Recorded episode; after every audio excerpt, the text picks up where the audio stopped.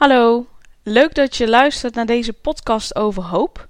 Zoals je misschien wel weet, staat de maand juli bij Coachingspraktijk van in het teken van positieve psychologie. En als je mijn vorige podcast nog niet hebt beluisterd, dan zal ik eerst even uitleggen waarom eh, de maand juli in het teken staat van de positieve psychologie. Uh, als je namelijk regelmatig positieve emoties ervaart, dan word je veerkrachtiger. En dat betekent dat jij ook beter met stressvolle situaties om kunt gaan. En dat vind ik dan weer belangrijk, omdat je dan ook gelukkiger kunt zijn. En gelukkige mensen maken de wereld een stuk mooier, toch? En in deze podcast staat hoop centraal. En ik vertel jou waarom hoop hebben belangrijk is, uit welke drie elementen hoop bestaat en hoe jij hoopvoller kunt denken. Het is namelijk zo dat uh, artsen en psychologen al jaren aandacht besteden aan het hebben van hoop bij gezondheid en lekker in je vel zitten. Hoop geeft jou namelijk de kracht en kan zelfs een deel voor de genezing zorgen. En hoop uh, richt zich op het bereiken van een doel. Het houdt namelijk in dat jij succesvol bezig bent om stappen te zetten richting jouw doel. En het eerste wat je dan dus uh, het beste kunt doen, is een doel formuleren. En zorg ook dat jouw doel smart geformuleerd is. En als je al wat vaker podcasts of blogs van mij gelezen hebt, dan weet je dat ik niet voor uh, smart ga, maar voor Be Smarty omdat uh, bij de Be Smarty methode je ook nog eens checkt of dat jouw doel inspirerend voor jou is. En hoe je precies jouw doel Be Smarty formuleert, dat hoor en lees je in mijn blog en in mijn podcast. Uh, hoe kan ik een doel formuleren? Dus wil je dat weten, uh, ga naar die blog en beluister de podcast of lees de tekst en formuleer jouw eigen doel. Weet jij nog niet precies wat jij wil bereiken, wat jouw doel is, maar is er wel een situatie die je graag anders zou willen zien? Neem die situatie dan eerst even onder de loep voordat jij een doel gaat formuleren. En uh, ook daar kan ik jou bij helpen, want ik heb een blog geschreven en een podcast gemaakt. Die heet Je huidige situatie onderzoeken.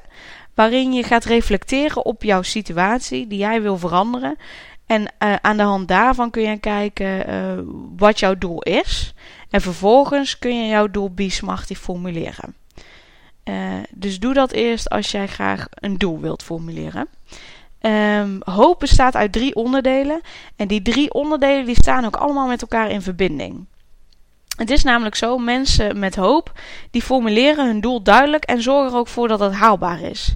En als blijkt dat het doel niet haalbaar is en dus te groot is, dan delen zij hun doel op in kleinere doelen die wel haalbaar zijn. Dus hoe dan ook, zij zorgen ervoor dat zij hun doel kunnen behalen, waardoor ze succes ervaren, waardoor ze zich beter voelen en dus ook weer positiever daarover denken en weer meer hoop hebben.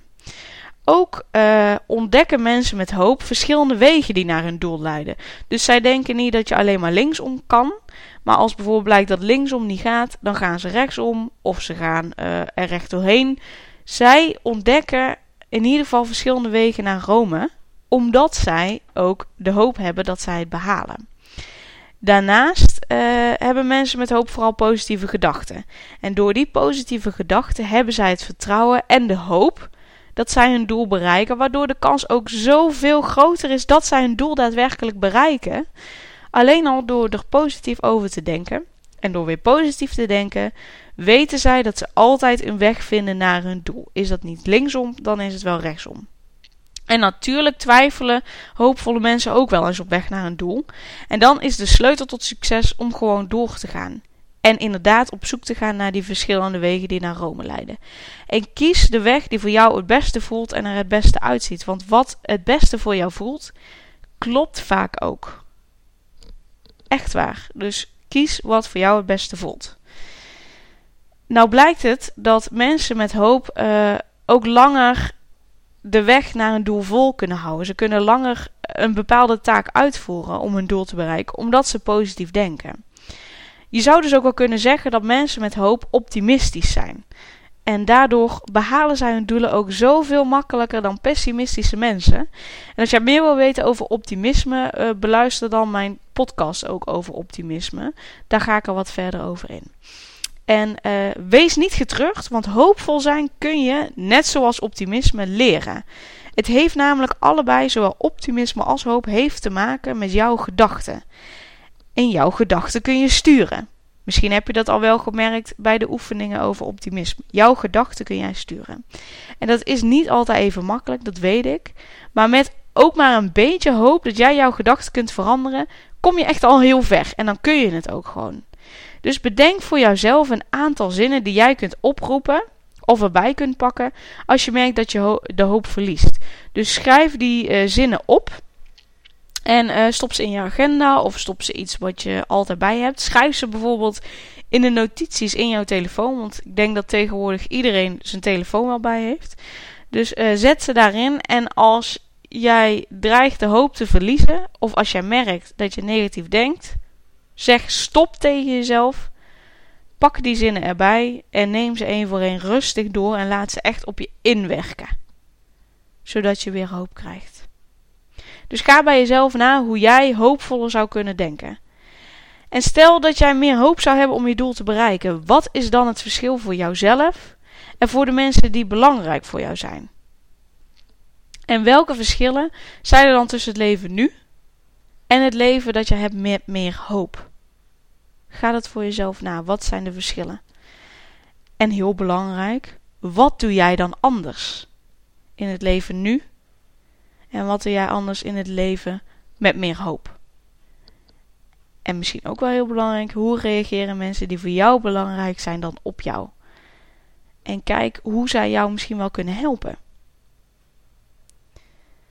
En vooral de vraag: wat doe jij anders? geeft jou inzicht in hoe jij hoopvoller kunt zijn en hoopvoller kunt denken. Dus de sleutel tot succes zit hem echt in jouw gedachten. En gelukkig hebben wij controle op onze gedachten, ook al lijkt dat soms niet. Het is echt zo. Begin maar eens met stop tegen jezelf te zeggen. Als je je weer betrapt op negatieve gedachten, stop. Dan ben je even van de kaart. Dan heb je ook weer de mogelijkheid om er iets, iets nieuws tegenover te zetten. Wat je ook kunt doen als jij die zinnen hebt opgeschreven die jou hoop geven, bekijk die iedere ochtend. Net zoals jouw kwaliteiten. Misschien moet je niet alles tegelijk gaan doen. Dus misschien moet je ervoor kiezen om of de kwaliteiten s ochtends te bekijken of de zinnen uh, met hoop. Uh, maar zorg er wel voor dat jij die zinnen met hoop bij jou in de buurt hebt. Zodat als je weer negatieve gedachten hebt, je die zinnen kunt doornemen om weer hoop te krijgen en weer positief te denken. Hou dit minimaal twee weken vol en kijk wat voor jou het verschil is. En dan ben ik benieuwd wat het jou geeft. En laat het mij weten en stel je vragen. Uh, ik ben er in ieder geval. En kijk wat je misschien nog zou willen weten. Dan kan ik jou daar misschien wat meer nog over vertellen. Uh, dit was ook de oefening voor deze podcast. Uh, je kunt ook altijd nog de blog nakijken of ik daar misschien wat meer oefeningen in zet. En ook uh, zorg ik ervoor dat ik regelmatig nog oefeningen post op Facebook. Die staan niet altijd in de blogs of in de podcast. Dus hou dat ook in de gaten. Dan ga ik het in de volgende podcast hebben over zelfvertrouwen en geloof in jouw eigen kunnen. Want hoe belangrijk is dat en hoe kun je ervoor zorgen dat jij meer zelfvertrouwen hebt en meer in jezelf gelooft? En dan wens ik jou voor nu een fijne dag of een fijne avond. En dan hopelijk uh, horen we elkaar de volgende keer weer.